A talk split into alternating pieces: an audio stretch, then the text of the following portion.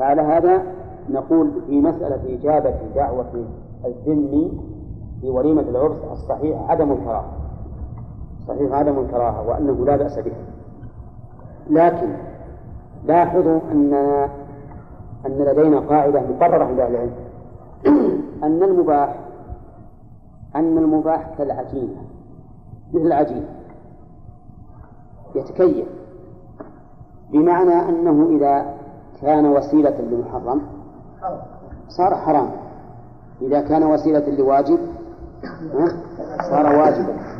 إذا كان وسيلة للمكروه صار مكروها إذا كان وسيلة للمستحب صار مستحبا البيع حلال ولا حرام؟ ها؟ حلال. وأحل الله البيع. قد يكون البيع واجب. كما لو رأيت مضطرا إلى طعام يريد أن يشتري مني طعاما ينقذ نفسه. حكم البيع عليه؟ واجب. وكما لو أردت أنا أشتري ماء للوضوء للصلاة الشراء واجب. ولا لا؟ طيب. أردت أن أشتري طيبا أتطيب به للجمعة. الشراء مستحب. مستحب. لأنه لأنه يراد به فعل مستحب. أراد رجل أن يشتري سلما يتسلق به بيوت الناس يسرق منها ها؟ حرام هذا؟ أي نعم حرام. أراد الإنسان أن يشتري نقول بصلا. ترى بناء على الذين يكرهونه. الفقهاء يكرهون أكل البصل والثوم وما أشبه ذلك. وإن كان ولكن لا نسلم, لا نسلم لهم هذا لكن واحد يبي يشتري بصل ولا ثوم بياكل يكره ولا لا؟ يكره. أي نعم. ولكن الصحيح إنه ما يكره لأنه يبقى حرام. الله أكبر. يمكن أن يكون عاما. يعني لو تلقى جماعة قل تفضلوا. أو أنه يكون خاص يعني أي واحد تلقاه تقول تفضل الرسول صلى الله عليه وسلم يدعوه. بخلاف الجفلة اللي يقول جماعة حاضرين تفضلوا مثلا. هلموا أيها الناس. ولكن الصحيح عدم الكراهة مهما كان. لأن الكراهة تحتاج إلى دليل. وهذا وقوله من في هذا إخلال بمروءته وشرفه وما أشبه ذلك ليس بصحيح. كونه واجب دعا وانصرف من صومه واجب. يعني فإنه يجيب الدعوة. ولكنه لا يأكل لأنه لا يجوز قطع صوم الصوم الواجب. مثال الذي صومه واجب إنسان عليه قضاء من رمضان. فدعي إلى الوليمة وهو صائم. هذا واجب. إنسان عليه كفارة يمين صائم فدعي إلى الوليمة وهو صائم. رحمك الله. إنسان عليه فدية صيام ثلاثة أيام فدية فعل محظور. فدعي وهو صائم. كل هؤلاء يحضرون. لكن لا يأكلون لأن الصوم واجب. والواجب لا يجوز قطعه. ولكنه يدعو. يدعو لمن؟ للداعي. يدعو للداعي بما يناسب.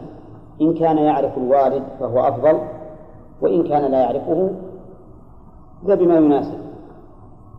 وقوله وانصرف هل ينصرف قبل أن تقدم الوليمة أو بعد؟ أو يجلس مع الناس ولا يأكل؟ ظاهر كلام المؤلف أنه ينصرف قبل ذلك ولا يبقى لأنه إذا بقي مع الناس ولم يأكل ربما يكون في يعني يخشى عليه من الرياء أنه صائم. فإن قال للناس ترى الصوم الذي عليه واجب فإنه قد لا يكون لائقا. إنما ظاهر كلام المؤلف أنه ينصرف ولا يجلس مع الناس. ولكن لو قيل بأن هذا يرجع إلى حال الإنسان إن كان يفقد في الوليمة كان يفقد في الوليمة فليجلس. ويتقدم مع الناس إلى الأكل. ولكن لا يأكل. بإمكانه يجلس مع الناس على الأكل ولكن يبدأ مثلا يقرب هذا إدام ويقطع هذا الحمل ويعطي هذا خبز مثلا وما أشبه ذلك. ولا لا؟ ولا. وربما لا يشعر به. لا لا ما في شيء. وربما لا يشعر به. ربما لا يشعر به. لأن الإنسان الذي يفقد مثل أن يكون جارا. أو قريبا أو صديقا حميما. إذا لم يأتي صار الناس يتكلمون. لماذا لم يأتي جاره؟ لماذا لم يأتي قريبه؟ لماذا لم يأتي صديقه الحميم؟ وما أشبه ذلك. والإنسان ينبغي له أن يكف ألسن الناس عن نفسه. وقوله ومن صومه واجب دعا وانصرف. صومه واجب هذه مبتدأ وخبر وهي صلة الموصول. لا محل لها من الإعراب. كذا ومن صوم. نعم نعم صواب ولا لا؟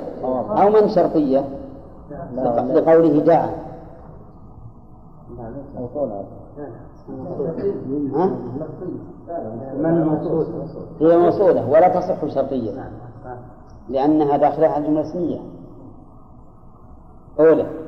داخلة على جملة اسمية لكن دعا وانصرف جواب حقيقة لا ولما كان اسم الموصول يشبه الشرط في العموم صار له جواب كجواب الشرط.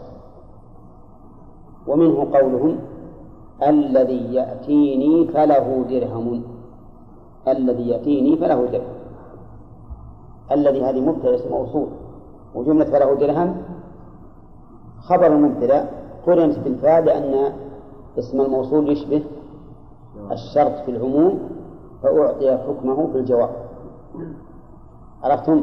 وهذا الحقيقة هو الذي أوجب لنا أن يعني هذا هو الذي صار مناسبا أن نعرف. ولا كان يقول هذا متن متن عال... كتبه عالم بعد تغير اللغة فلا حاجة إلى إعرابه. الذي يأتي يأتي هذا الفعل. إيه؟ اسم الموصول تكون صلته جملة فعلية وتكون صلته جملة اسمية. إيه؟ نعم. طيب من صومه واجب دعا وانصرف. الدليل لأن النبي صلى الله عليه وسلم قال إذا دعي أحدكم فليجب فإن كان صائما فليصلي وإن كان مفطرا فليطعم وش معنى فليصلي؟ فليجب وهنا لو قال قائل في هذا الحديث أنتم تقولون إن ألفاظ الشارع تحمل على الحقائق الشرعية والصلاة حقيقتها الشرعية هي العبادة المعروفة. هي العبادة المعروفة. قلنا لكن الكلمات وهذا مما يؤيد أنه لا مجاز في اللغة. قلنا إن الكلمات يعين معناها السياق وقرائن الأحوال. وهنا من المعلوم أن الرسول صلى الله عليه وسلم ما أراد أن الإنسان الصائم الذي يدعى فيجيب أنه يصلي. لأنه لا معنى لذلك ولكن المعنى نعم المعنى أنه يصلي على هؤلاء أي يدعو لهم. كقوله تعالى خذ من أموالهم صدقة تطهرهم وتزكيهم بها وصل عليهم. وقوله وإن كان مفطرا فليطعم هذه اضبطوها معكم لأننا ربما نحتاجها ربما نحتاج إليها. قال والمتنفل يفطر إن جبر. المتنفل يفطر إن جبر. المؤلف المتنفل يعني الصائم المتنفل. الإسلام مثل مثل صيام أيام البيض أو صوم الاثنين والخميس. أو صوم ستة أيام من شوال أو عشر ذي الحجة أو عاشوراء أو عرفة أو ما أشبه. المتنفل يجيب الدعوة. وهل يفطر ولا لا؟ المؤلف ذكر فيه تفصيل إن جبر يعني إن جبر قلب الداعي وأدخل السرور عليه فإنه يفطر. وإن لم يجبره بأن كان الداعي لا يهتم أكل ولا ما أكل؟ المهم أنه يجيب الدعوة. فإنه فإن الأفضل أن لا يفطر وأن يتم صومه.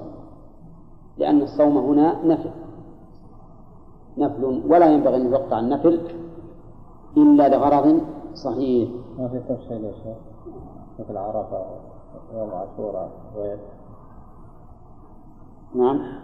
مثل عرفة ويوم عاشوراء لأنه لا إنه معين.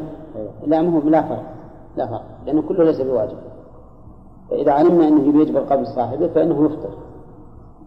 سواء كان الصوم معينا كالاثنين والخميس وعاشوراء وما أشبه ذلك أو لا.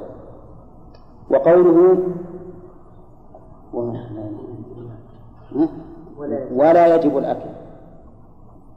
ولا يجب الأكل.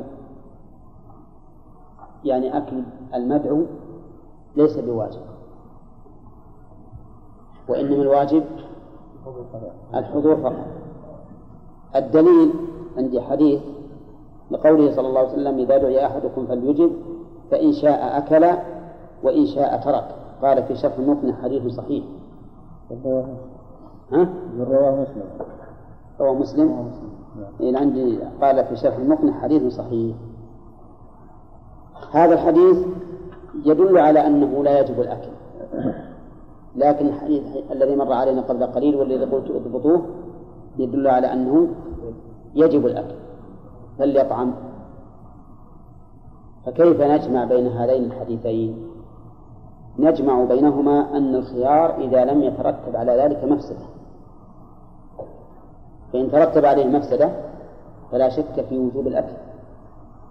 ولو قلنا لم يجب لا يجب الأكل. يترتب على هذا مفسدة.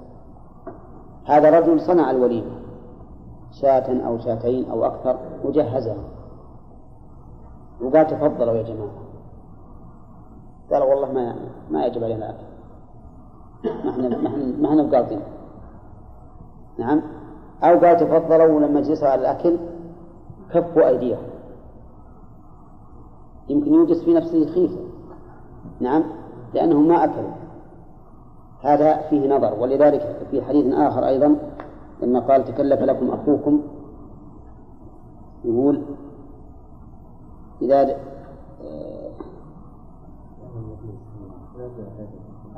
لقوله صلى الله عليه وسلم لرجل معتزل عن القوم ناحية وقال إني صائم دعاكم أخوكم وتكلف لكم كل ثم صم يوما مكانه. كل يوما ثم صم يوما مكانه إن شئت. والصحيح أن الأكل واجب إلا إذا لم يكن في تركه ضرر. وقال رسول الله صلى الله عليه وسلم الحديث الثاني إن شاء إن شاء أكل وإن شاء ترك يحمل على الصائم أو يحمل على ما إذا لم يكن في ذلك مضرة. وإلا فلا شك عند كل الناس أن هذا مما يستقبح عادة. أن يدعو الناس ويحضرون ثم يقولون ها؟ الأكل غير واجب ما إحنا بأكل ومن عادة العرب أن الإنسان إذا لم يأكل فإنه يخشى منه. إلى الآن موجودة. إذا لم يأكل يخشى منه. ولهذا يلزمون الواحد أنه يأكل ولو يسيرا ويسمونها ها؟ الملحة. الملحة يعني أنك تمالح وتأكل فمعنى ذلك أن أمناك. قال وإباحته متوقفة على صريح إذن أو قرينة إباحته أي إباحة الأكل متوقفة على صريح إذن. هذه من باب إضافة الصفة إلى الموصوف. يعني على إذن صريح. يعني بأن يقول تفضل كل. فإذا قال لي كل أبيح الأكل ولا لا؟ نعم أبيح. لأنه صرح بالأكل. أو قرينة. إذا دلت القرينة والعادة والعرف أنه إذا قدم الطعام على هذه الصفة فإنه إذن بالأكل فلك أن تأكل. عادة الناس اليوم يعني يحتاجون إلى إذن صريح. ها؟ الظاهر يحتاجون. لأنه دائما يقلط مثل هذا. وتظن أنت أنه تامنة تامنة المائدة. ها؟ ولو تبي تقرق الآن وهو ما بعد تمت المائدة يرى أن هذا سوء أدب. نعم. يرى أن هذه من من الجشع والشاعر يقول وإن مدت الأيدي إلى الزاد لم أكن بأعجلهم إذ أجشع القوم أعجل. نعم. فنقول انتظروا ما دام الرجل ما قال تفضلوا أما لو جاء بالإناء إناء الطعام وقدمه بين يديه مثل ما يوجد عند بعض الناس في القهاوي القهوة العادية قهوة عادية. بعض الناس يقدم معها تمرا. فيأتي بالصحن يقول يحطه عنده ما يقول لك تفضل. تاكل ولا لا؟ ها؟ تاكل. لو ما تاكل وتقول وتقول له تعال ناكل رأى أن هذا يعني ما هو طيب. ما هو طيب. ما حطه بين يديك وما هنا إلا انت إلا أنه يريد أن تأكل. فالحاصل إن مثل هذه الأمور تكون بالألفاظ الصريحة أو بالقرائن الواضحة. الداله عليه. نعم؟ ولهذا قال إباحته متوقفة. طيب إباحته. يعني معنى ذلك لو يقدم ولا يقول تفضلوا وليست العادة بأن هذا التقديم على سبيل الإذن بالأكل. وباخذ لي تمرة فقط من هذا الأكل من هذا الشيء. أو آخذ لي تفاحة تصير حرام ولا لا؟ لا حرام. إلا حرام. حرام لأن قال إباحته متوقفة. إباحته. ها؟ ولكن في الحقيقة أن الناس ما يرون هذا حرام. يعني لا يرون أن الذي يأكل من المائدة قبل أن يقال تفضل مثل الذي يأتي إلى البيت ويأخذ من البيت. ما يرون هذا. ويرون هذا. غاية ما فيه أن الرجل أساء الأدب بكونه تقدم قبل أن يؤذن له. أما أن يرون أن يروا أنه حرام فلا يرون. لكن ظاهر كلام المؤلف أن الإباحة إباحته ما ما تكون إلا بصريح الإذن أو القرين من هنا نأخذ مسألة مهمة. إذا دعاك إنسان وجئت إلى البيت ووجدت الباب مفتوحا في الوقت الذي دعاك فيه هل يحتاج إلى إذن؟ أو نقول إن فتح الباب إذن؟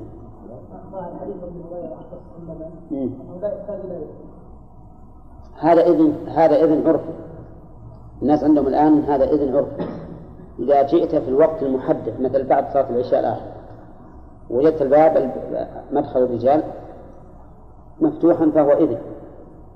لكن لا شك أن الأولى أن يستأذن لأنه قد يكون في الحوش أحد من النساء أو ما أشبه ذلك. وإلا فدائما يكون المحل بعيد أو يكون في أيام الشتاء قد أغلقوا النوافذ أو في أيام الصيف أغلقوها أيضا للتبريد فلا يسمعون. فيكون هذا إذن يكون هذا إذنا. أما إذا صرح وقال إذا وجدتم الباب مفتوحا فادخلوا. أو في الزمن السابق لما كانوا يجعلون المفاتيح على على الأبواب. كانوا في الزمن السابق يجعلون المفاتيح على الأبواب. لكن المفتاح أين يكون؟ من داخل. يجعلونه من داخل. فإذا قال إذا وجدت الباب إذا وجدت المفتاح على الباب فادخل فهذا إذن صريح. هو الحديث نعم. نعم. ولعلمه الاستئذان هنا السلام عليكم. أدخل أي نعم. طيب هذا هذا صريح واضح. لكن هذا إذا كان عنده علامة سواء كانت خاصة بأن قال لنا هذا أو كانت عامة عند الناس كلهم أنك إذا جيت في الوقت المحدد وجدت المفتوح الباب مفتوح فادخل فإذا وسلم ما في مانع. سلم. نعم. هذه القيم رحمه الله من قوله تعالى التي في إنه ينبغي العرض للأمر. إيه؟ لا يقال تفضلوا بل ألا تفضلوا لا ما ما- ما هو صحيح ما هو صحيح. هذا في كل موضوع بحسبه. قد يكون مثلا إبراهيم عليه الصلاة والسلام ما علم حالهم كما ينبغي ولا يدري شيء. هل يريد هذا الطعام أو يريدون غيره؟ قد لا يشتهون هذا الطعام. نعم. ثم قال آه، وإن علم. أن ثم منكرا يقدر على تغييره حضر وغيره إن علم أن ثم ثم هذه ظرف مكان أولى مبني على الفتح في محل نصب ها؟ دخل على غير دعوة. أوكي هذا حديث حديث لا هذا حديث وإن علم أن ثم منكرا ليش قال منكرا اسم إن وإحنا قلنا تو ثم هي اسم إنه وهو غلط. ثم ظرف مكان لا فتح النصب ومتعلق محذوف خبر مقدم. أن ثم منكرا فإنه يحضر ويغيره. المنكر كل ما حرمه الشرع. علم أن في هذه الوليمة التي دعي إليها اختلاط رجال بالنساء علم أن فيها آلة له. علم أن فيها تصويرا. وما أشبه ذلك من الأشياء المحرمة. فهذا إن كان يقدر على تغييره حضر. وجوبا ولا جوازا؟ وجوبا. لسببين. السبب الأول أنها دعوة وليمة عرس. والسبب الثاني أن فيها إزالة للمنكر. وإزالة المنكر واجب. فيحضر. وشلون يقدر على تغييره مثل لو كان رجلا له هيبته وله قيمته. بحيث أنه إذا علم قال كفوا هذا واتركوه فيطيعونه فهذا يجب عليه الحضور. يجب عليه الحضور من لسببين. وغيره. وإلا أبى. وإلا يعني وإلا يقدر على تغييره. ولهذا إلا هذه أداة استثناء؟ إذا أداة شرط إذا. ما على ما على النافية. ها؟ إن إن الشرطية مع لا النافية. إلا. نعم. ومن الغريب أن يعني أكابر العلماء يصير لهم هفوات. ابن مالك أعرب قوله تعالى إلا تنصروه على أن إلا أداة استثناء أي نعم. إلا تنصروه ابن مالك صاحب الألفية إمام في النحو. لكن الإنسان بشر. يمكن يسهو. نعم. قال وإلا أبى أي امتنع يقول لا. ولكن هل فيما إذا امتنع هنا؟ يقول السبب إني ما حضرت والله ما أنا بحاضر لأن عندكم منكرا. أو يأبى فقط. الأولى أن يبين السبب. يبين السبب لأمرين. أولا لبيان عذره. وثانيا ردعا لهؤلاء عن هذا الفعل. وثالثا أيضا ربما أن هؤلاء يجهلون أن هذا الأمر محرم. فإذا قال لا أحضر لأن عندكم كذا وكذا قالوا هل هو حرام؟ فيقول نعم ربما يكون ذلك سببا لأن يكفوا عن هذا المحرم. فإذا يأبى ويبين السبب. وتبيين الأسباب في الأمور التي قد تستنكر مما جاء به الشرع. لقول النبي صلى الله عليه وسلم إذا رأيتم من يبتاع في المسجد فقولوا لا أربح الله تجارتك فإن المساجد لم تبنى لهذا. لأجل تعذر. وقوله وإلا أبى وجوبا ولا جوازا. أبى وجوبا. ما دام يعرف فيه منكر ولا يقدر يغير يحرم عليه الحضور. يحرم عليه أن يحضر. فإذا قال أنا أحضر ولا وأكره بقلبي. أحضر وأكره بقلبي ولا أشاركه. نقول نقول هذا ليس بصحيح لأنك لو كرهت بقلبك ها؟ ما ما بقيت. كل ما يكرهه الإنسان بقلبه ما يمكن يبقى فيه أبدا إلا مكرها. وقد قال الله عز وجل وقد نزل عليكم في الكتاب أن إذا سمعتم آيات الله يكفر بها ويستهزأ بها فلا تقعدوا معهم حتى يخوضوا في حديث غيره. إنكم إذا مثلهم. وش معنى إذا إذا قعدتم معهم فإنهم مثلكم فإنكم مثلهم. إن الله جامع المنافقين والكافرين في جهنم جميعا. طيب إذا أجلس عند شارب الدخان وهو يشرب. لا. ها؟ لا. لا. أجلس عنده وهو لا يشرب؟ نعم. أجلس عند حالق اللحية وهو يحلقها؟ ها؟ لا. أجلس عنده بعد حلقها؟ إيه، النص لا بد منه. نعم أجلس معه. لأنه غير متلبس بالمنكر حينئذ. لا لا انتهى الآن. انتهى. ولا كان شرب الدخان هذاك أنت تقول نجلس معه. رائحة إيه لكن ولو ما, ما هو ظاهر. هذا على وجهه. لا ظاهر الذي يشم. اللي يشم ظاهر جدا. ظاهر له. على كل حال ما الممنوع أن تشارك وقت فعل المعصية. وقت فعل المعصية. أما بعد زوالها ووجود آثارها فلا. نعم. هذا تجلس مع مثلا مع عابد الصنم. لكن عند عبادة الصنم ما تجلس. نعم. لأن لأنك حين لأنه حين جلوسه معك لم يفعل المحرم نعم. الحال باللحم يعني ممكن وقت وهو حليب مثلا. اي هذا ما تجلس. مثلا لو فرضنا إن لك صديقا من الحلاقين تجلس عنده. فجاءه رجل فقال احلق راسي فحلق راسه تجلس عنده؟ والثاني قال احلق رأسي ولحيتي. ها؟ ما تقع يجب عليك تفارق. نعم؟ ومن العجائب أن بعض الناس يطلقون الحلق على حلق اللحية.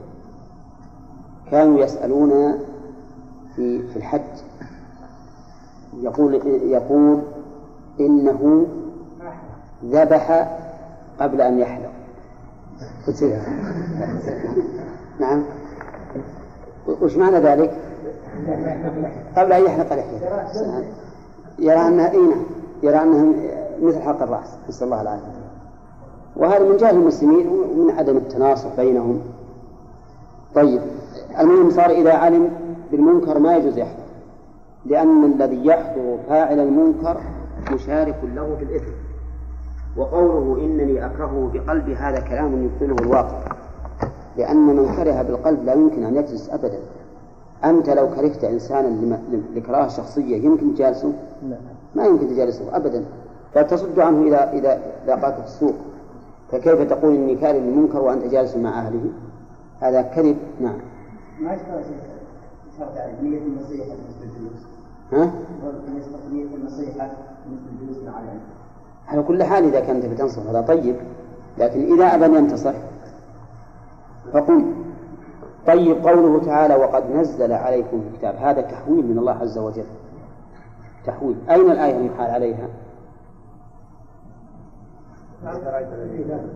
وإذا رأيت الذين يخوضون. في آياتنا فأعرض عنهم حتى يخوضوا في حديث غيره وإما ينسينك الشيطان فتجلس فلا تقعد بعد الذكرى مع القوم الظالمين. هذه الآية المحال عليها هنا قال وإلا أبدا. الجلوس مع اللي بيشرب الدخان إذا كان واحد هذا بريء يعني ولا قنبلة ألقيت بينهم. نعم. فلا شك أن الكلمة إذا إذا صدرت من قلب وبإخلاص و و و ولقصد إعلاء كلمة الله لا نصر قوله فهذا لا تأثير بلا شك. لا تأثير كبير. نسأل الله أن يجعل لنا ولكم نعم. المهم أن المؤلف رحمه الله يقول إذا علم أن في الدعوة منكرا لا يستطيع تغييره فإنه لا يحضر فهمتم؟ وإن علم أن فيها منكرا يستطيع تغييره وجب عليه الحضور. نعم. و وإذا قلنا لا يحضر فهل يبين السبب أو يقول من حاضر فقط؟ قلنا الأولى أن يبين السبب.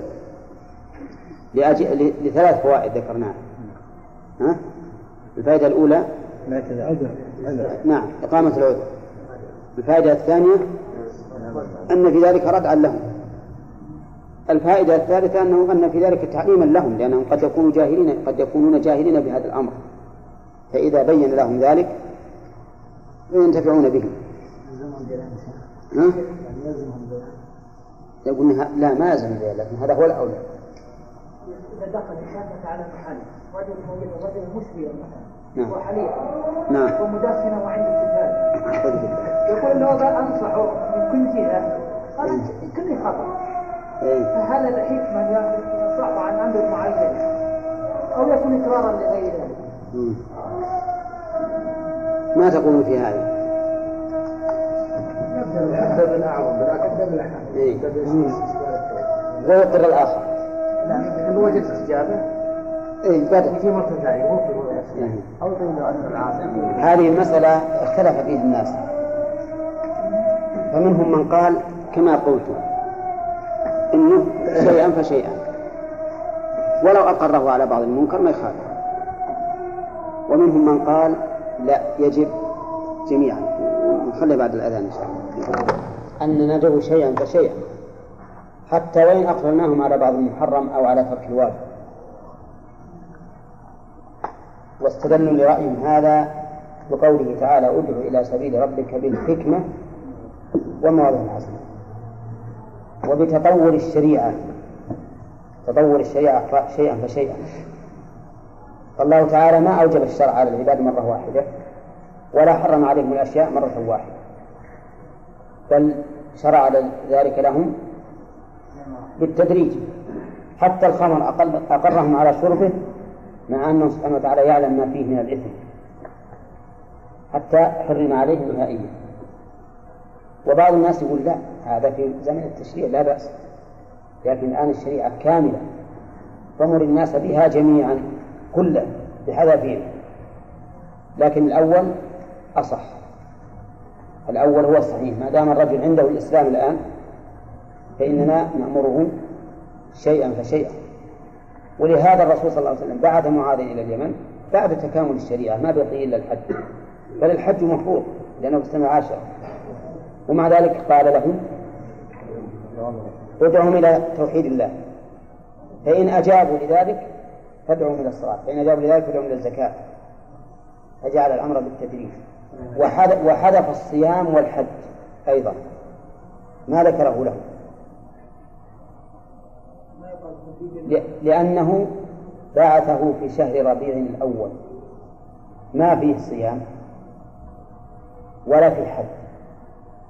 فجعلهم تطمئن قلوبهم بهذه الشرائع الثلاث ثم يقال لهم صوموا وحجوا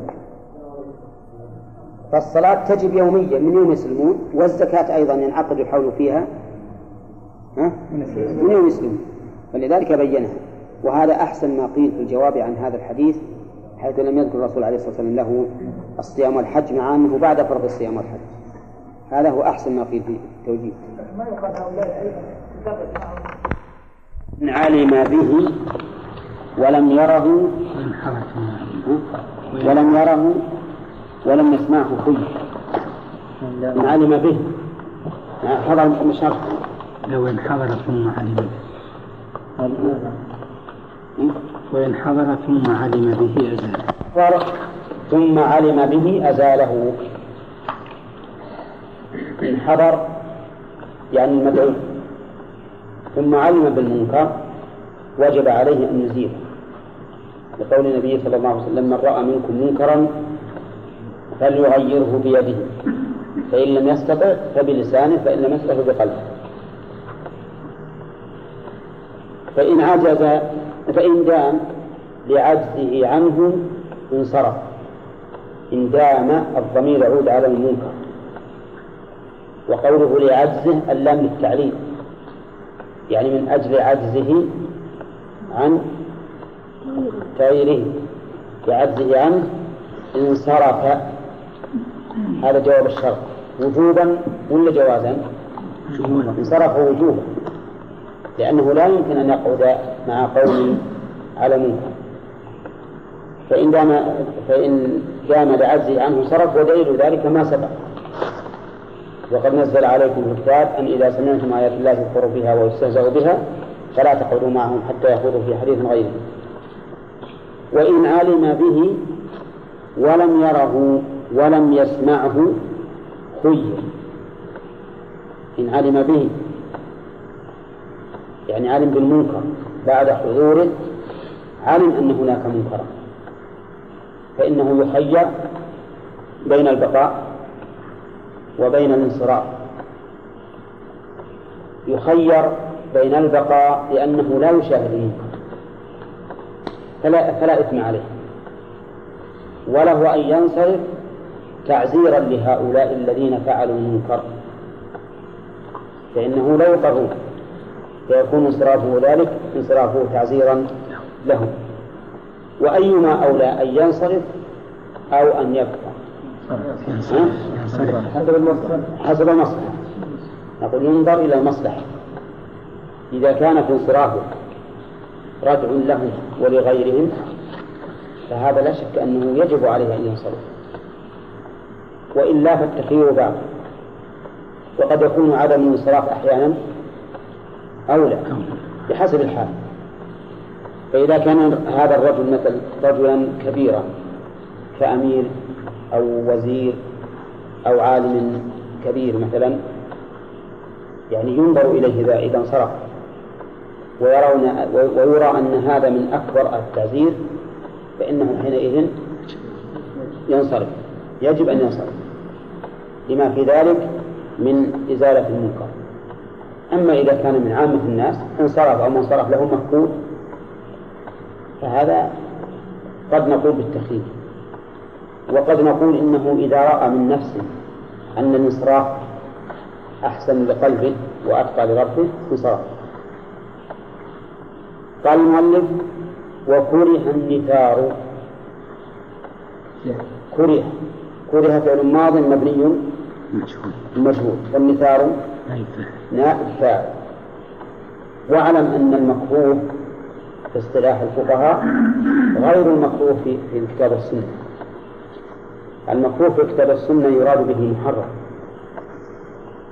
نعم كما في قوله تعالى لما ذكر المنهيات العظيمة قال كل ذلك كان سيئه عند ربك مكروها. وقال وفي الحديث عن النبي عليه الصلاة والسلام إن الله كره لكم قيل وقال وكثرة السؤال وإضاعة المال. فالكراهة في لسان الشرع يراد بها المحرم. إذا كانت مما يتعلق بالأحكام الشرعية. أما الكراهة عند الفقهاء فإنها مرتبة بين الواجب بين المحرم والمباح. مرتبة بين المحرم والمباح. يثاب فاعلها يثاب تاركها امتثالا ولا يعاقب فاعلها. ولا يعاقب فاعلها النثار مكروه وهو أن ينثر في الوليمة. اجتماع الناس ينثر طعام أو ينثر فلوس أو ينثر ثياب للحاضرين فهذا مكروه. لماذا؟ إن كان المنثور طعاما فإنه مكروه لسببين. السبب الأول أن فيه امتهانا للنعمة والسبب الثاني أن فيه دناءة دناءة وخلاف مروءة. إذا أردت أن تنفعهم ابسط هذا الذي تريد أن تنفر ثم قل لهم ها؟ تفضلوا. ثم قل تفضلوا. أما أن تنفر فهذا يكره وقال بعض أهل العلم إنه لا يكره النثار النثار لا يكره. واحتجوا بما جاء به الحديث في في في الأضحية. أن الرسول عليه الصلاة والسلام ضحى أو ضحى عنده رجل فلما ذبحها قال من شاء اقتطع. من شاء اقتطع. فاستدلوا بذلك على أنه يجوز النثار وعندي أن في هذا الاستدلال نظرا لأن هذا الرجل ما نثر وإنما قدمها تقديما وأرخص الناس يأكلون. كما لو قدم طعاما وقال للناس تفضلوا لأن هذا ليس بنثار ففرق بين النثار اللي تنفذ والناس يجون يتركضون عليه وبين شيء تقدمه تقول تفضل عليه. أو من أحب منكم أن يأكل فليأكل. وما أشبه ذلك. فهذا لا يعد منه. وهذا لا بأس به وقد جرت به العادة. جرت به العادة أن الإنسان مثلا يصنع الطعام ويقول اللي وده يأكل يأكل. لا سيما في وقت صرام النخل وجداد النخل. في الزمن السابق لما كان الناس يحتاجون إذا جاء الفقراء قال اللي وده يأكل يأكل هذا ما ليس بنفاق. يكره أيضا التقاطه. التقاط النفاق. شو التقاطه؟ يعني إنه ترك التأخر مكروه. لما فيه من يعني الدناءة. كونك تجي رجل مثلا لك حرمتك بين الناس ترفض تجي تأخذ لك قطعة خبزه ولا تمره ولا ما أشبه ذلك. هذه يقول دناءة وخلاف المروءة. فيكره الإنسان أن يلتقطه طيب إذا صار يكره التقاطه إذا نثره وش نسوي به؟ ندعه كيف؟ قال يلطفه نعم طيب قلت لكم إنه إذا كان طعاما فإن فيه فإنه يكره لسببين امتهان الطعام والثاني الدناءة والإسراف إذا كان غير طعام إذا كان فلوس. يكره أيضا؟ ما فيه ما فيه امتهان للطعام لكن في تضييع المال لأن المعروف أنه إذا تنهبوه كذا أحيانا يشبونه ولا لا؟ واحد مسك طرف الريال وواحد مسك طرفه وش يصير؟ ينقطع. ينقطع. فلهذا حتى في الدراهم وإن لم يكن فيها انتهاء للطعام لكن فيها إفساد للمال لأن نشوف نشاهد الناس الآن. إذا منهم هجموا على هذا المنفوع كل واحد مسك اللي يمسك ولا وتلقى الثاني ماسكه أيضا ولا يمكن واحد يطير الثاني الحج أي مثل أحد مع- مع الصحة ومثل توزيع الكتب في الحج أيضا.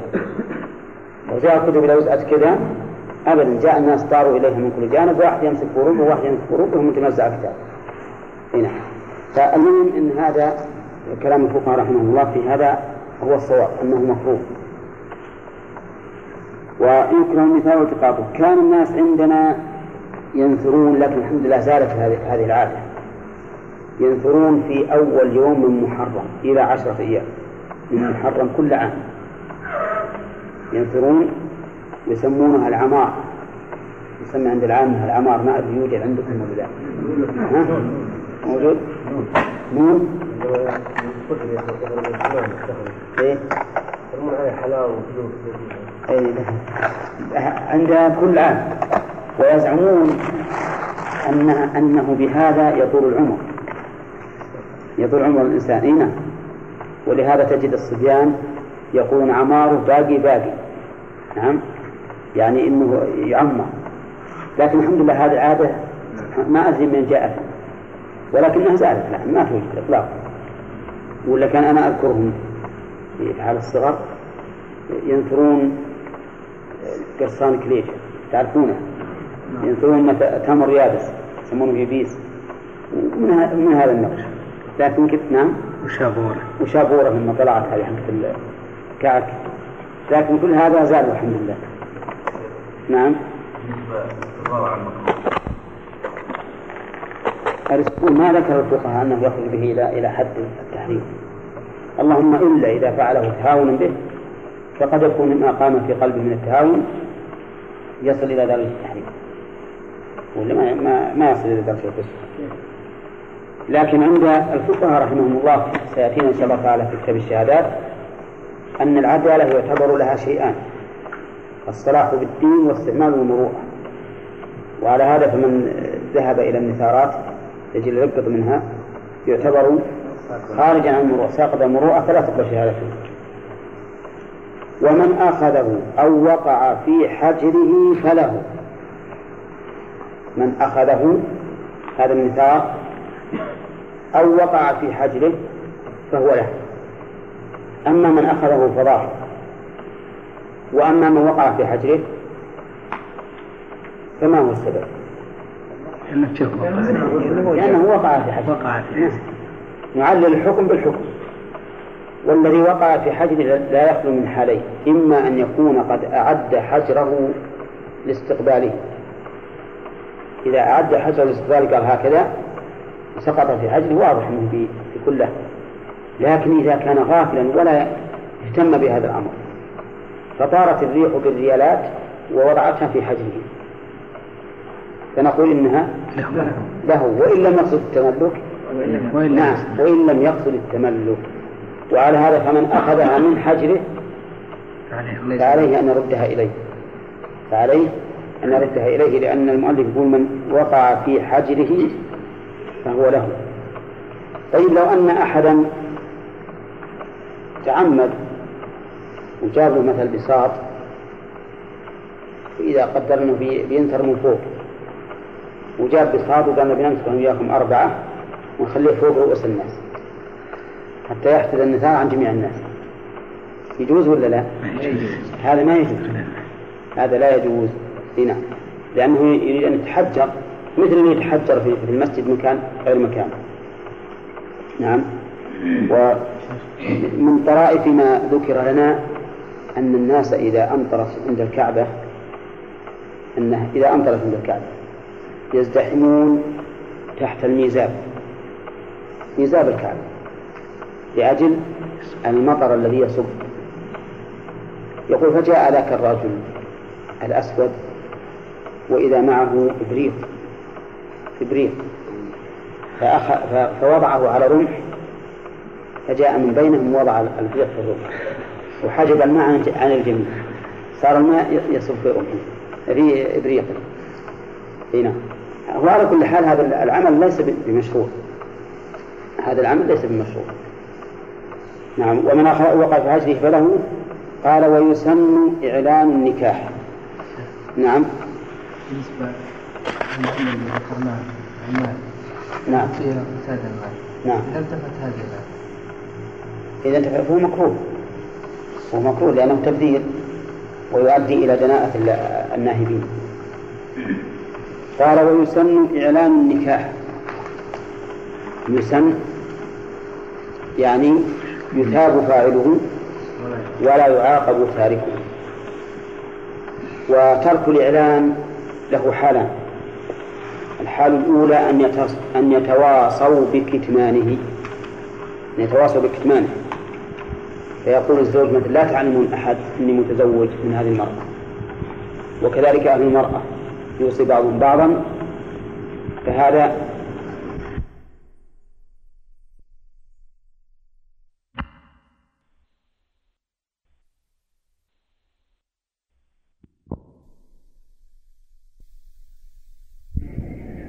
الإعلان والدخول. قالوا فهذا دليل على أنه إذا لم إذا تواصوا بكتمانه صار من قسم الحرام.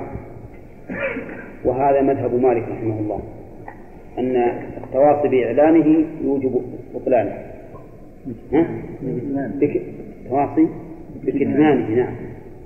التواصي بكتمانه يوجب بطلانه. أما مذهبنا فلا يوجب البطلان. وأما الحالة الثانية لعدم الإعلان فهي أن لا يتواصوا بكتمانه لكن لا يعلنوه. ما يتواصوا بكتمانه ولكن لا يعلنوه. فهذا خلاف السنة. والسنة أن يعلن. وبما لا يعلن يعلن بوسائل الإعلان المعروفة. منها مثلا الإعلان عنه في الصحف مثلا. وهذا موجود. ولا لا؟ موجود. كان يتزوج فلان أو يتزوج فلان أو ما أشبه ذلك. ومنها أن يعلن عنه في ما يفعل في الزمن السابق لما كانت الأسواق ما فيها أنوار. كانوا يعلنون عنه بأن يمشي الزوج من بيته إلى بيت الزوجة ومعهم أنوار. أنواع تاريخ وسرد هذا من الإعلان وهل من الإعلان مزامير السيارات؟ نعم. إعلان لا. شك لكنه إعلان فيه غلو. إعلان فيه غلو. لأنه مزعج. مزعج جدا. وأحيانا يحصل منهم خطأ. يحصل منهم خطأ لأنهم يعني يدفعون جدا. ويسقط بعضهم على بعض. فهذه هو المحذور منه ولا فيه لا شك أنه إعلان. طيب ومن الإعلان أيضا الأنوار التي تكون على بيت الزوج والزوجة. أولى إلا أنه أيضا فيها غلو عندنا. وش يعملون؟ زيادة. يعني يمكن واحد من عشرة يكفي وهم يسرفون في هذا. ومن الإعلان أيضا ما ذكره بقوله والدف فيه للنساء الدف بالفتح وبالضم الدف والدف ولكن قال المؤلف للنساء وقال الدف فها هنا أمران. أولا أن الذي يسن هو الدف والدف غير الطار وغير الطبل الطبل غير الدف. الطبل شيء آخر الدف يقولون إنه ليس له إلا وجه واحد فقط. ما له إلا وجه واحد. يعني يجعل الرق اللي هو الجلد على وجه واحد منه. وأما الطبل والطار وبعضهم قال أنها هي الطوبة اللي ورد فيها النهي فإنه يكون فيه من وجهين. يكون فيها الرق الجلد من الوجهين جميعا.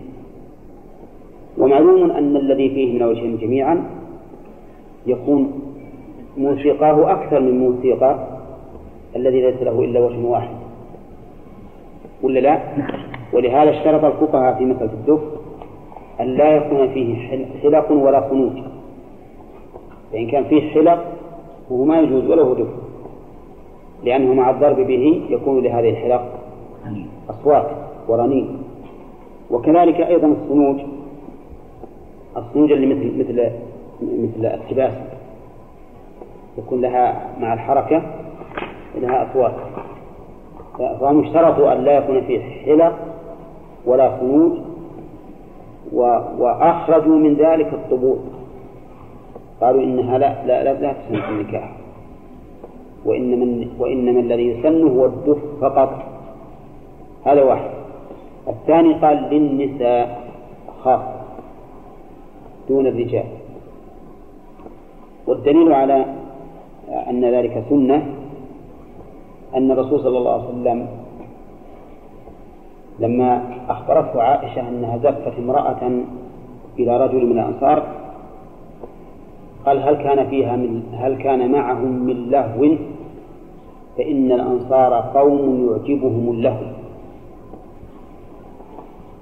وفي في السنن هل بعثتم معها من يغني؟ وذكر أتيناكم أتيناكم فحيانا وحياكم في ثلاثة أبيات. فهذا يدل على أنه يسن الدف ويسن أن يصحبه غنى أيضا. وقوله للنساء ظاهره أنه لا يسن للرجال لكن قال في الفروع وظاهر الأخبار ونص الإمام أحمد أنه لا فرق بين الرجال والنساء وأن الدف فيه للرجال كما أن الدف فيه للنساء لما فيه من الإعلان وإن كان الغالب أن الجاري الغالب أن الذي يفعل ذلك النساء. إذا استفدنا من كلام المؤلف أن اللهو مشروط بأمرين. أن يكون بالدف دون غيره من آلات اللهو والثاني أن يكون للنساء خاصة. أما النساء فقد علمتم كلام صاحب الفروع. أن ظاهر الأخبار ونص الإمام أحمد عدم الفرق. وأما الدف فإنه قد يقول قائل إن العموم عموم. هل كان معه من له؟ يشمل. الدف يشمل الطبل. لأنه لأنك لا تكاد تجد فرقا بينا بين الدف والطبل حتى في الصوت. ما هناك فرق. إذا كان ما فيها حلق ولا صمود ما هناك فرق بعيد. فقد يقال إنها إنهما سواء. ولكن الاحتياط مثل هذا أولى لا سيما في وقتنا هذا. الذي إذا انفتح للناس انفتح للناس باب اللهو زاد كما تعلمون الآن صاروا والعياذ بالله يأتون بالموسيقى الرنانة ويأتون أيضا بالأغاني المغرية الخليعة الفاسدة. ثم إن بعضهم يختار أحسن النساء صوتا ويجعلها تغني. ثم ماذا يصنعون؟ لا يجعلون بين الرجال والنساء سوى جدار قصير يمنع الرؤية ولكن ما يمنع الصوت. فيحصل بذلك فتنة.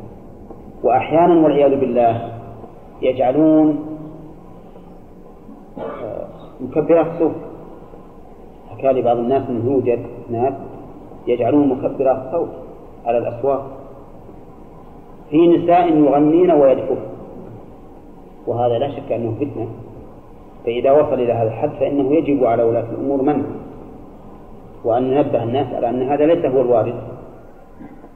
قال المؤلف رحمه الله الشارع وكذا ختام وقدوم غائب وولادة وإملاك. أربعة أشياء حقا وقال بعضهم وكذلك كل سرور حادث. كل سرور حادث لا بأس بالدف فيه. نعم. أولا يقول المؤلف الختان وش الختان؟ أي. الختان قطع طرفة الذكر. يقول إنه يعني يسن بظاهر كلام الشارع يسن إنه يدف فيه للنساء. وهذا ما أدري هو يستعمل عندكم في البلاد غير السعودية. وهو؟ قدوم الغائب.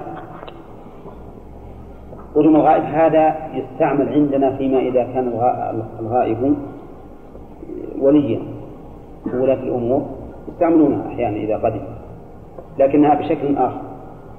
كذلك أيضا الولادة إذا ولد للإنسان ولد أو بنت يضربون بالدف موجود عندكم؟ لا لازم موجود.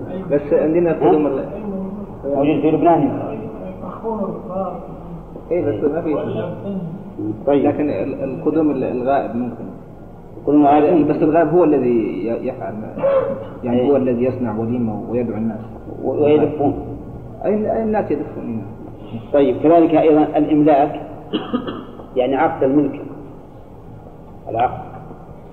قد يكون العقد داخل في في قول على النكاح لأن العقد كما النكاح كما يكون بالدخول يكون أيضا بالعقد. وكون المؤلف يرى أن هذا من باب الاستحباب فيه نظر. والصواب أنه إذا قدر أنه مباح فهو مباح فقط لا يتجاوز الإباحة. أما النكاح فله شأن خاص لأن الرسول صلى الله عليه وسلم أمر بإعلانه.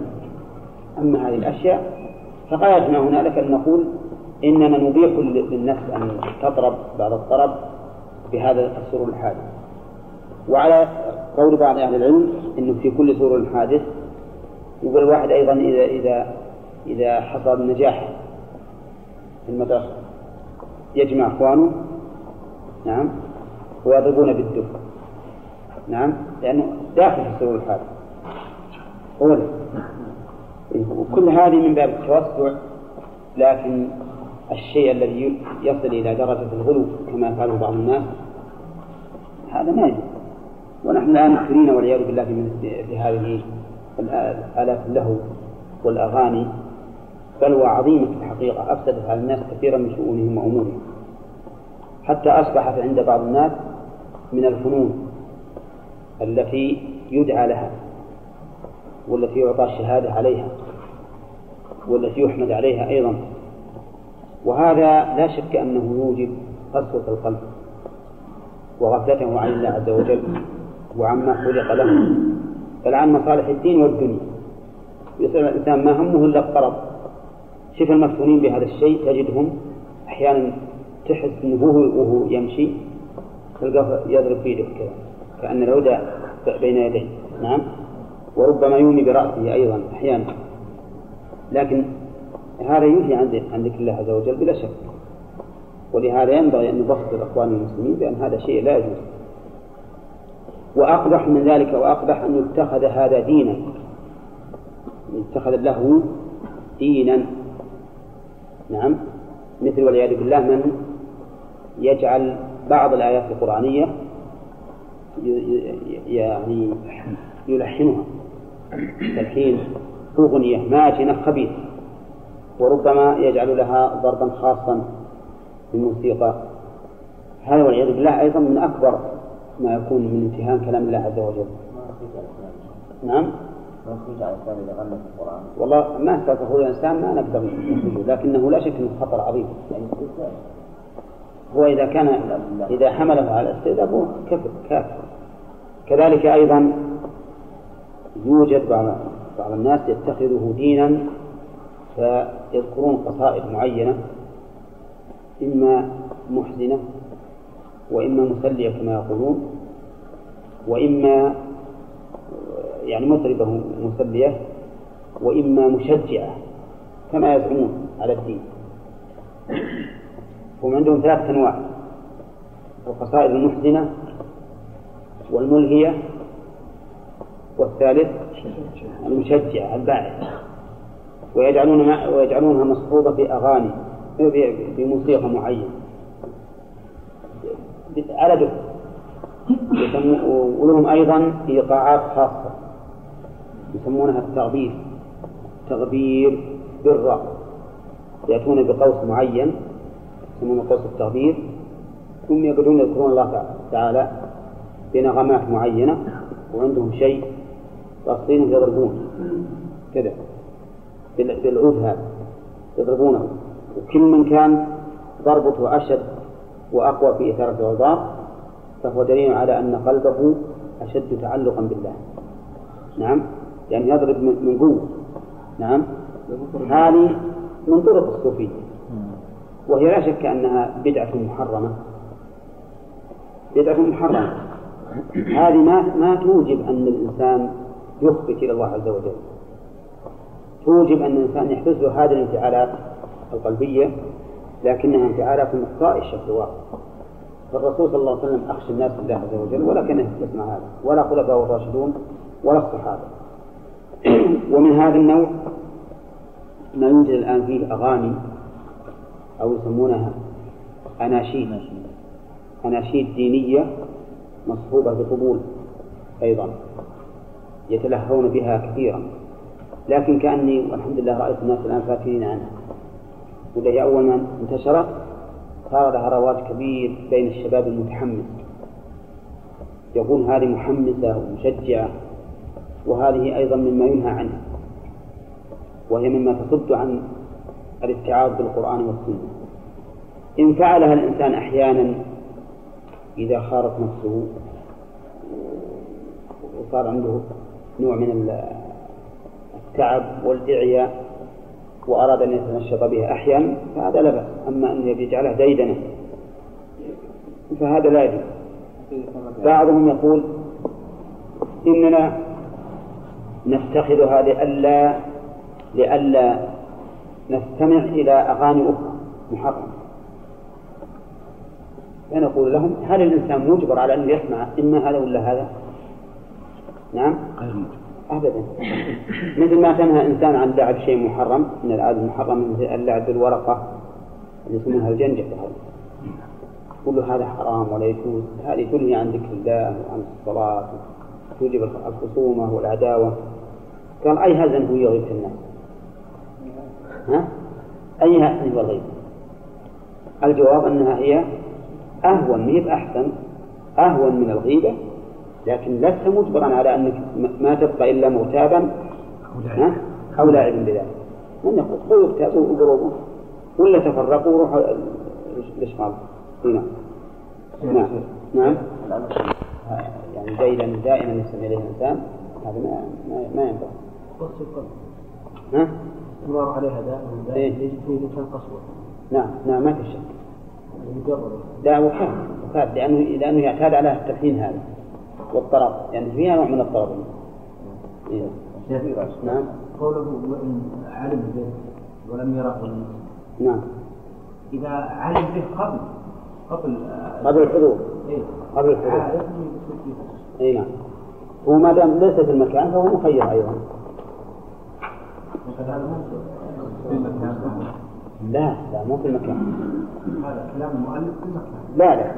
شو وش ما ما رآه ولا سمع هو في المكان. أي في غرفة اي في مكان آخر. اي في مكان آخر. اي في مكان آخر من البيت. اي إيه. نفس الشيء. نفس الشيء. قال وال- والدف فيه لأن انتهى الكلام عن هذا. العشرة معناه ما يكون بين شخصين من الألفة والاجتماع ونحوها ومنه سميت العشيرة. سميت العشيرة قبيلة إنسان عشيرة لأنهم مجتمعون جماعة. العشرة ما يكون بين الشخصين من الإلفة والاجتماع والمعاملة. و- واعلم أن من أعظم أعظم القرناء والأصحاب الزوجين. فتجب العشرة بينهما بالمعروف. ولهذا قال المؤلف يلزم الزوجين العشرة بالمعروف. العشرة ليش بالرفع؟ لأن فاعل مؤخر. والزوجين يعني الذكر والأنثى. العشرة بالمعروف. لقوله تعالى وعاشروهن بالمعروف.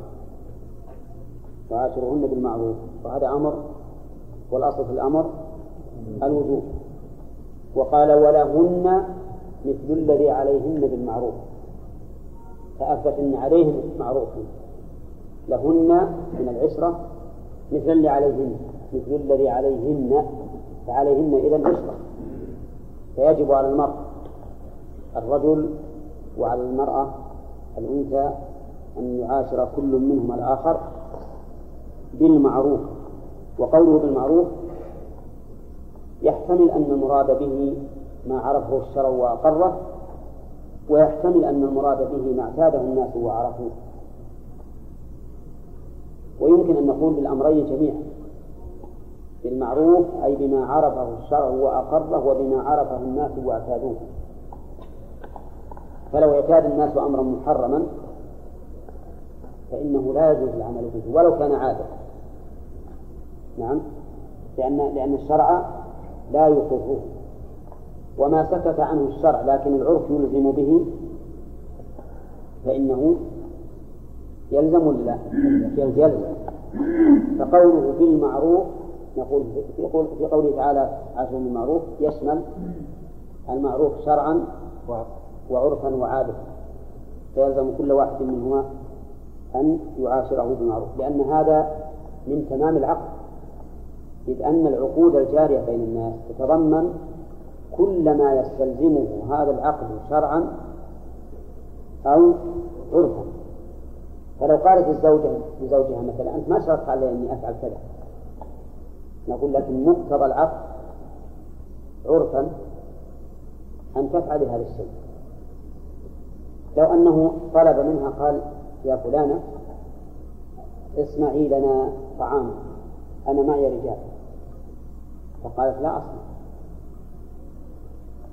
أنا ما تزوجت إلا للاستمتاع فقط. أما بخدمك لا. يلزمها ولا لا؟ ها؟ يلزمها. لأن هذا مما مما جرى به العرف. وهذا من مقتضيات العقد عرفا.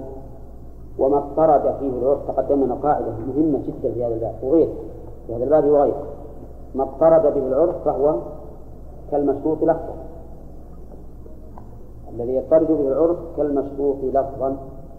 ولهذا يعبر بعضهم بهذا وبعضهم يقول الشرط العرفي كالشرط اللفظ طيب وقوله يلزم يلزم. لزوم شرعي. فينبغي للإنسان إذا عاشر زوجته بالمعروف أن لا يقصد بذلك مجرد السعادة الدنيوية والانبساط وعدم الإثارة فقط. بل ينوي مع ذلك التقرب إلى الله في فعل ما يجب. وهذا أمر نغفل عنه كثيرا. يعني عندما يعاشر الإنسان زوجته بالمعروف كثير من الناس يقصد أن تدوم العشرة بينهما على الوجه الأكمل ولا لا؟ ويغيب عن ذهنه أنه يفعل ذلك تقربا إلى الله. وهذا كثيرا ما ينساه الإنسان ينسينا إياه الشياطين. فعلى هذا ينبغي لك أن أن تنوي بهذا أنك قائم بأمر الله وعاشروهن بالمعروف. وإذا نويت ذلك حصل لك الأمر الثاني وهو دوام العشرة الطيبة والمعاملة الطيبة. وكذلك بالنسبة للزوج. وهذه المسألة أنا قلناها لكم كثيرا وننساها ويمكن أنتم أيضا تنسوها.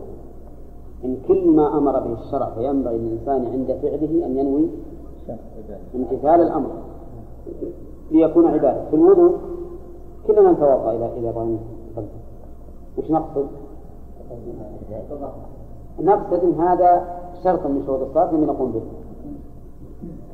لكن هل إننا عند الوضوء نستحضر أننا نتوضأ امتثالا لقوله تعالى يا أيها الذين آمنوا إذا قمتم إلى الصلاة فاغسلوا وجوهكم؟ ها؟ قليل قد نذكره أحيانا وقد ننساه كثيرا. وهل إننا عندما عندما نفعل هذا نشعر بأن الرسول صلى الله عليه وسلم كأنه أمامنا وأننا نقتدي به؟ فنكون بذلك متبعين؟ ها؟ أقصد أن هذا يوجد أحيانا ولكنه يفقد كثيرا. لهذا ينبغي أن يكون الإنسان حازما لا تفوته الأمور والأجور بمثل هذه الغفلة فعندما تعاشر زوجتك هو من مصلحتك الدنيوية لكن اجعلها أيضا مصلحة دينية. انوي بها إيش؟ امتثال أمر الله أو التقرب الله بامتثال أمره وعاشروهن بالمعروف. إذا كان الزوج كثير الدعوة كثير ما يدعو الناس إلى طعام نعم. حسب ما جرى به العرف فيما سبق عندنا خاصة هنا في نجد لو لو كان كريما كل يوم يعشر الناس في تفعل لكن في الوقت الحاضر لا. إذا ولا صار الشيء كثير قال خليه يروح يصوب المطعم ويجي جاهز. على كل حال حسب العرف كان النساء فيما سبق يسوون كل شيء. امرأة الفلاح تغوص تتحصد تتعلف للإبل وتكنس البيت تصلح الطعام نعم. تطحن الحب وتطبخه وتجيب من النخل السعف والكرب وغيره. نعم. ولا يهمها لكن بدينا الآن ندللهم شوي. نعم. بدينا نجيب خاتمات ومشتات تدللنا عليها نعم. يلزم العشرة بالمعروف ويحرم نعم. كيف؟ شلون؟ بالمعروف. ويحرم ويحرم إيش؟ مطل كل واحد. ويحرم هو ويحرم مطل كل واحد بما يلزمه للآخر والتكرر لبذله. وينبغي بهذه المناسبة أن الإنسان يصبر على الزوجة.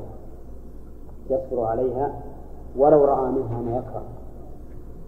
وقوله تعالى فإن كرهتموهن بعد قوله وعاشرون بالمعروف فإن كرهتموهن فعسى أن تكرهوا شيئا ويجعل الله فيه خيرا كثيرا. ولقول النبي صلى الله عليه وسلم لا يفرق مؤمن مؤمنة إن كره منها خلقا رضي منها خلقا آخر. ونبه الرسول عليه الصلاة والسلام على مثل هذا في قول لا يجد أحدكم امرأته جلد العبد ثم يراجعها أظنه قال من آخر يوم. أو كلمة نحوها والمرأة كما تعرفون ناقصة العقل والتفكير والدين أيضا وقريبة العاطفة. كلمة واحدة تبعدها عنك بعد الكرية وكلمة أخرى تدنيها منك حتى تكون إلى جنب. فلهذا ينبغي الإنسان أن يراعي هذه الأحوال بينه وبين زوجته. لكن نسأل الله السلامة الآن لما كان عند الناس شيء من ضعف الإيمان. صار أقل شيء يوجد بينه وبين زوجته. أقل غضب ولو على أتفه الأشياء تجده يغضب ويطير ويطلق على طول. والعياذ ولو يطلق الطلاق الشرعي طلاق لهم جامعة الباب أو له على خير. وطلاق يعني بدعي في عدده. أنت طالق بالثلاث بالثلاث بالثلاث وما أشبه ذلك. وبعضهم يزيد على هذا أن يظاهر منه. نسأل الله العافية. كل هذا من قلة الإيمان وعدم المعرفة التربية الإسلامية. وإلا فأنت إذا غضبت أولا ما ينبغي أنك تغضب من كل شيء. تعرف أن القصور لا بد أن يكون. حتى في نفسك أنت تقصر في بعض الأشياء. مو صحيح أن الواحد كامل من كل وجه. فهي أيضا أولى منك بالتقصير ثانيا أنه يجب عليك أنك تقيس المحاسن بالمساوئ. تقيس المحاسن بالمساوئ. الزوجة ربما بعض الزوجات إذا مرض زوجة يكون مثل مرض ولده يمكن ما تنام الليل إذا مرض الزوج وتضيعه في أشياء كثيرة. فليقس هذا بهذا. أما أنه والعياذ بالله بالشيء كله على التمام فهذا لا يمكن. ثم إنه يجب أيضا في الوقت الحاضر يجب عليك أنك تقول فارقتها الآن متى عاد تلقى زوجي؟ مشكلة. متى متى تجد زوجك؟ ثم إذا وجدت زوجة فهذه الزوجة عاد تكون على ما يمكن تكون أصلا من الأولى فلهذا الإنسان يجب أن يقدر الأمور حتى يكون سيره مع أهله على الوجه الأكمل.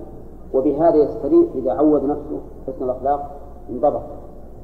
قال ويحرم مطل كل واحد بما يلزمه للآخر والتكره لبذله. نعم. يحرم مو يكره يحرم. إنه يمطل في حق الآخر. والمطل معناه التأخير. تقول له أنا أريد كسوة. يقول إن شاء الله. نعم على العين والرأس.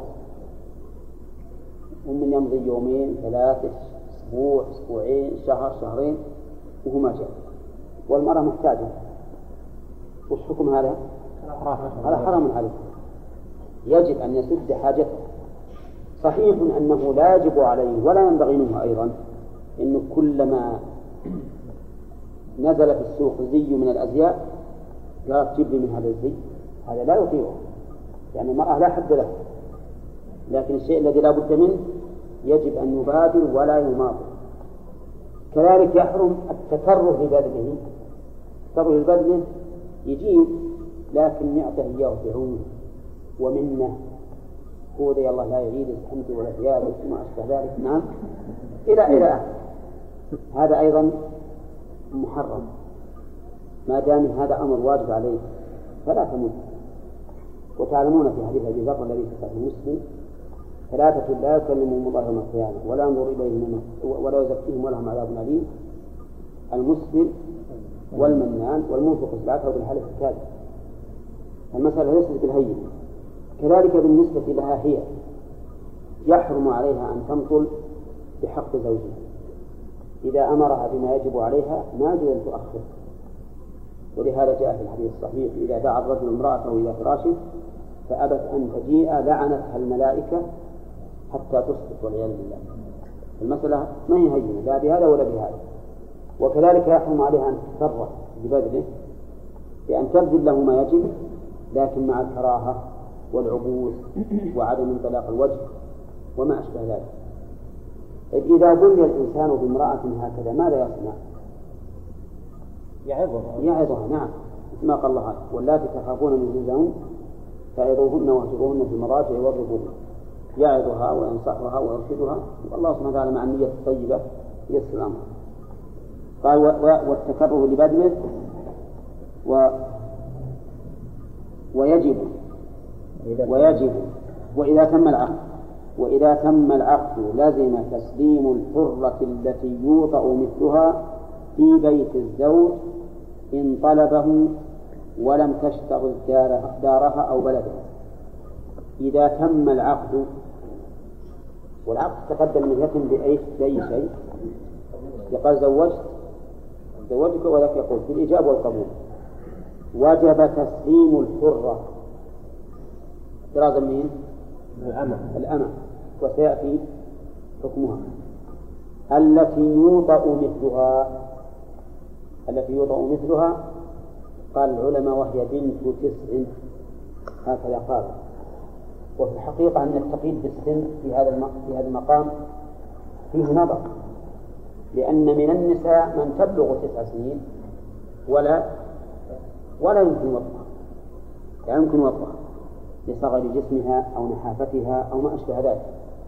ومن النساء من تبلغ تسع سنين أو ثمان سنين وتكون صالحة. الصواب أن لا تقيد بالسن بل يقال هي التي يمكن وطئها والاستمتاع بها. فهذه يجب تسليمها. وظاهر كلام المؤلف ولو كانت حائضا أو مريضة نعم. فإنه يجب عليه يجب تسليمها. قبل. ولكن هذا مشروط. المذهب لا يجب لكن المؤلف ظاهر كلامه الوجوب. لكن هذا مشروط بما إذا لم يخشى من الزوج. فإن خشي منه بحيث أننا نعرف أن الرجل ليس بذاك الدين وأننا لو سلمنا المرأة له وهي حائض ربما يطأ. فهذه لا نسلمها حتى تطهر. كذلك لو فرض أن المرأة مريضة. نعم. فإن وأن الزوج أيضا ممن لا يخاف الله. نخشى عليها. جامعها وهي مريضة فيضرها ذلك. نعم. فإننا لا نسلمها لا نسلمها. وقول المؤلف في بيت الزوج يجب أن تسلم في بيت الزوج. وهذا يوافق عرف المصريين. نعم. إن هي التي تأتي إلى الزوج. نعم. فإذا قال الزوج خلوها تجي إلى البيت نعم يلزم لازم يروحون بلا البيت. لكن هذا الكلام من المؤلف مقيد بما إذا لم يخالف العادة. فإن خالف العادة فإن نرجع للكلام السابق اللي قاعدة مستقرة. وهي وعاشروهن بالمعروف. فإذا قال الزوج لأبيها هي اللي تجي وكان من عادة الناس وعرفهم أن الزوج هو الذي يأتي إلى الزوجة في بيتها. فإنه حينئذ يلزم هو الذي يأتي. هذا هو العرف. والله أمر بأن نعاشرهن بالمعروف. الناس الآن لو لو يقول الزوج خلوة تجي لمعي لكانت مشمتة للعالم. قالوا هذه هذه بنت يهدونها هداء يروحون كأنها بقرة اشتراها ودخلوها عليه في البيت وما أشبه ذلك. لا لا تقول شيء. لا تقول شيء.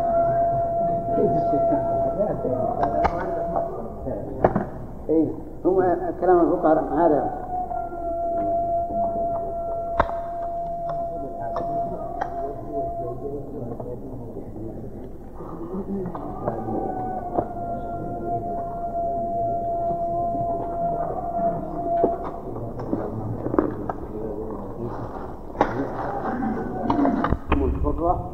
التي يوضع مثلها الحرة ولم تشترط دارها اشترط المؤلف لتسليمها ثلاثة شروط بل أربعة شروط.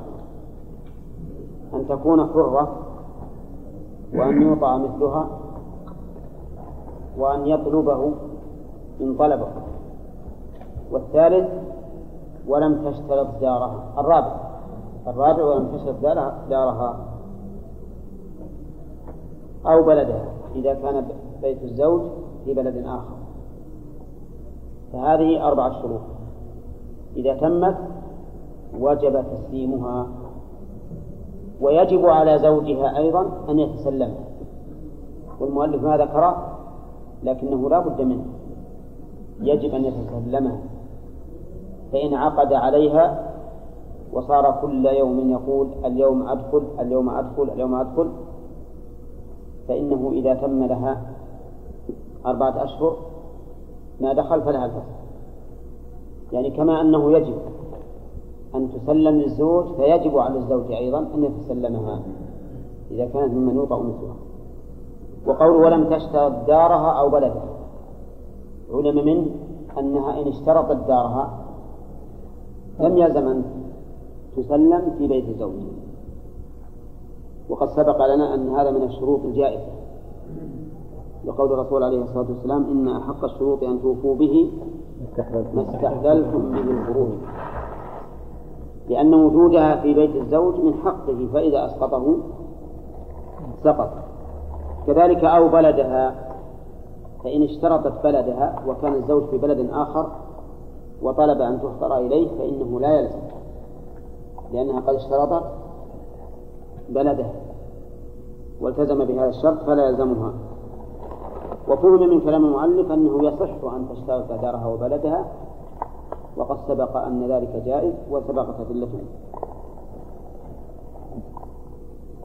وإذا نعم. إذا كان العرف ما, ما, ما, ما اشترطتش لكن العرف في البلد إن الواحدة تتزوج في بلدها وما تسافرش مع زوج مع زوجها في بلد ثاني العرف ده عرف ما هوش يعني لا اشترطت ولا آل لكنه مضطرد معروف. مضطرب خلاص يمشي عليه. قال وإذا استمهل أحدهما أمهل العادة وجوبا. لا استمهل. يعني طلب الإمهال. استمهل أحده أحدهما. يعني استمهل بمعنى طلب المهلة من الآخر. مثلا قال الزوج أريد أن يكون الدخول الليلة المقبلة. فقالت أمهلني حتى أصلح من أمري. أو قالوا له نريد أن يكون الدخول الليلة المقبلة. فقال أمهلوني حتى أصلح بأمري. يقول المؤلف أمهل العادة. أمهل العادة. فيه إشكال من النحوية أمهل فعل ماضي مبني المجهول. والعادة بالنص لماذا لم ترفع؟ وهنا الفاعل لأن نائب الفاعل مستتر الضمير. والعادة يعني آه، إمهال العادة. فهي مفعول مطلق مفعول مطلق. المعنى أمهل إمهال العادة. نعم. وقوله وجوبا. وجوبا هذا نعت لمصدر محذوف. أي إمهالا وجوبا. وجوبا. أو عامله محذوف والتقدير يجب وجوبا. والمعنى أنه يجب أن ينظر. بما جرت به العادة يوما أو يومين أو ثلاثة حسب ما جرى به العرف. وإنما وجب ذلك لأنه من العشرة بالمعروف. وقد قال الله تعالى وعاشروهن بالمعروف نعم. قال لا لعمل جهاد يعني عمل الجهاد لو طلب أن يمهل ليجهز بيته لزوجته فإنه لا يجب لا تجب إجابته لأن هذا شيء لا يتعلق بالنكاح. إذ أن تجهيز البيت يمكن ولو بعد الدخول. مثلا قال أمهلوني أبي أشتري قدورا وأشتري فرشا وأشتري كذا وأشتري كذا مما يجهز به بيته فإن ذلك لا يلزم. والسبب أنه ممكن ها؟ ولو بعد الدخول. بخلاف ما لو قال أمهلوني لأشتري ثوبا وأهيئ نفسي للزواج وما أشبه ذلك. ومثل أيضا لو كان الجهاز منها هي. تريد أن تأتي معها بأواني البيت وما يصلحه وطلبت أن تمهل يقول الزوج لا لا أجيب. لأن هذا يمكن شراؤه بعد بعد الدخول. ولكن إذا جرت العادة بأن هذا يكون مع المرأة نعم فإننا نعود إلى ما سبق وعاشروهن بالمعروف. فإذا جرت العادة بأنه لا بد أن يكون مصاحبا للمرأة فإنه تمهل لأنه لا فرق بين ما يتعلق بذاتها أو ما يتعلق بشؤون البيت. ويجب تسليم الأمة ليلا فقط. هذا مفهوم القيد الأول. وهو قوله تسليم الحرة. يجب تسليم الحرة. الأمة يجب أن تسلم ليلا فقط. ذلك لأنها في النهار مشغولة بخدمة سيدها. وما يتعلق بالنكاح فإن عماده الليل دون النهار. فالسيد يقول أنا هذه الأمة أنا أحتاجها في النهار في شغل البيت. والزوج يستمتع بها في الليل هذا ما لم يشترط الزوج أن تسلم له ليلا ونهارا. فإن اشترط أن تسلم له ليلا ونهارا وقبل السيد فهم فهما على شرطهما. قال ويباشرها الضمير يعود على الزوجة لا على الأمة. يباشر الزوج زوجته. والجملة خبر بمعنى الإباحة يعني ويباح له أن يباشرها بالاستمتاع.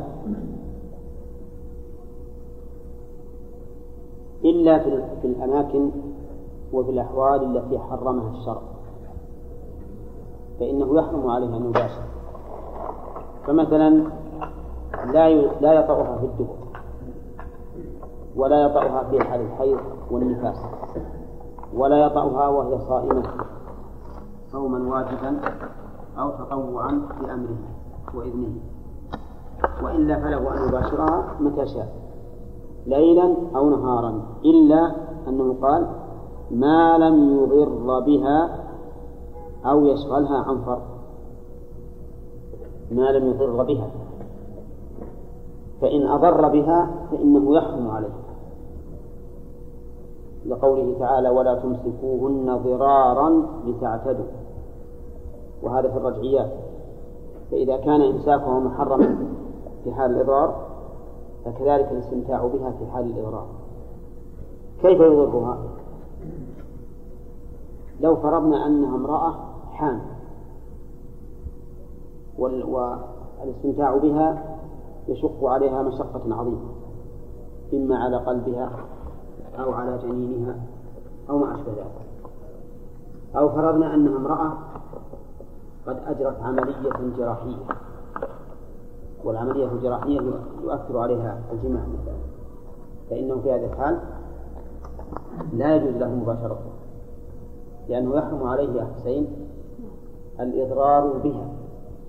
الواجب تجنب ما يضر بها. وقوله أو يشغلها عن فرض. مثلا طلب منها الاستمتاع وهي لم تصلي وقد ضاق الوقت. فهمتم؟ مثلا طلب منها أن يستمتع بها قبل طلوع الشمس وهي ما صلت الفجر. فنقول هذا لا يجوز لك لأنك تشغلها عن عن فرض. وهو الصلاة في وقتها.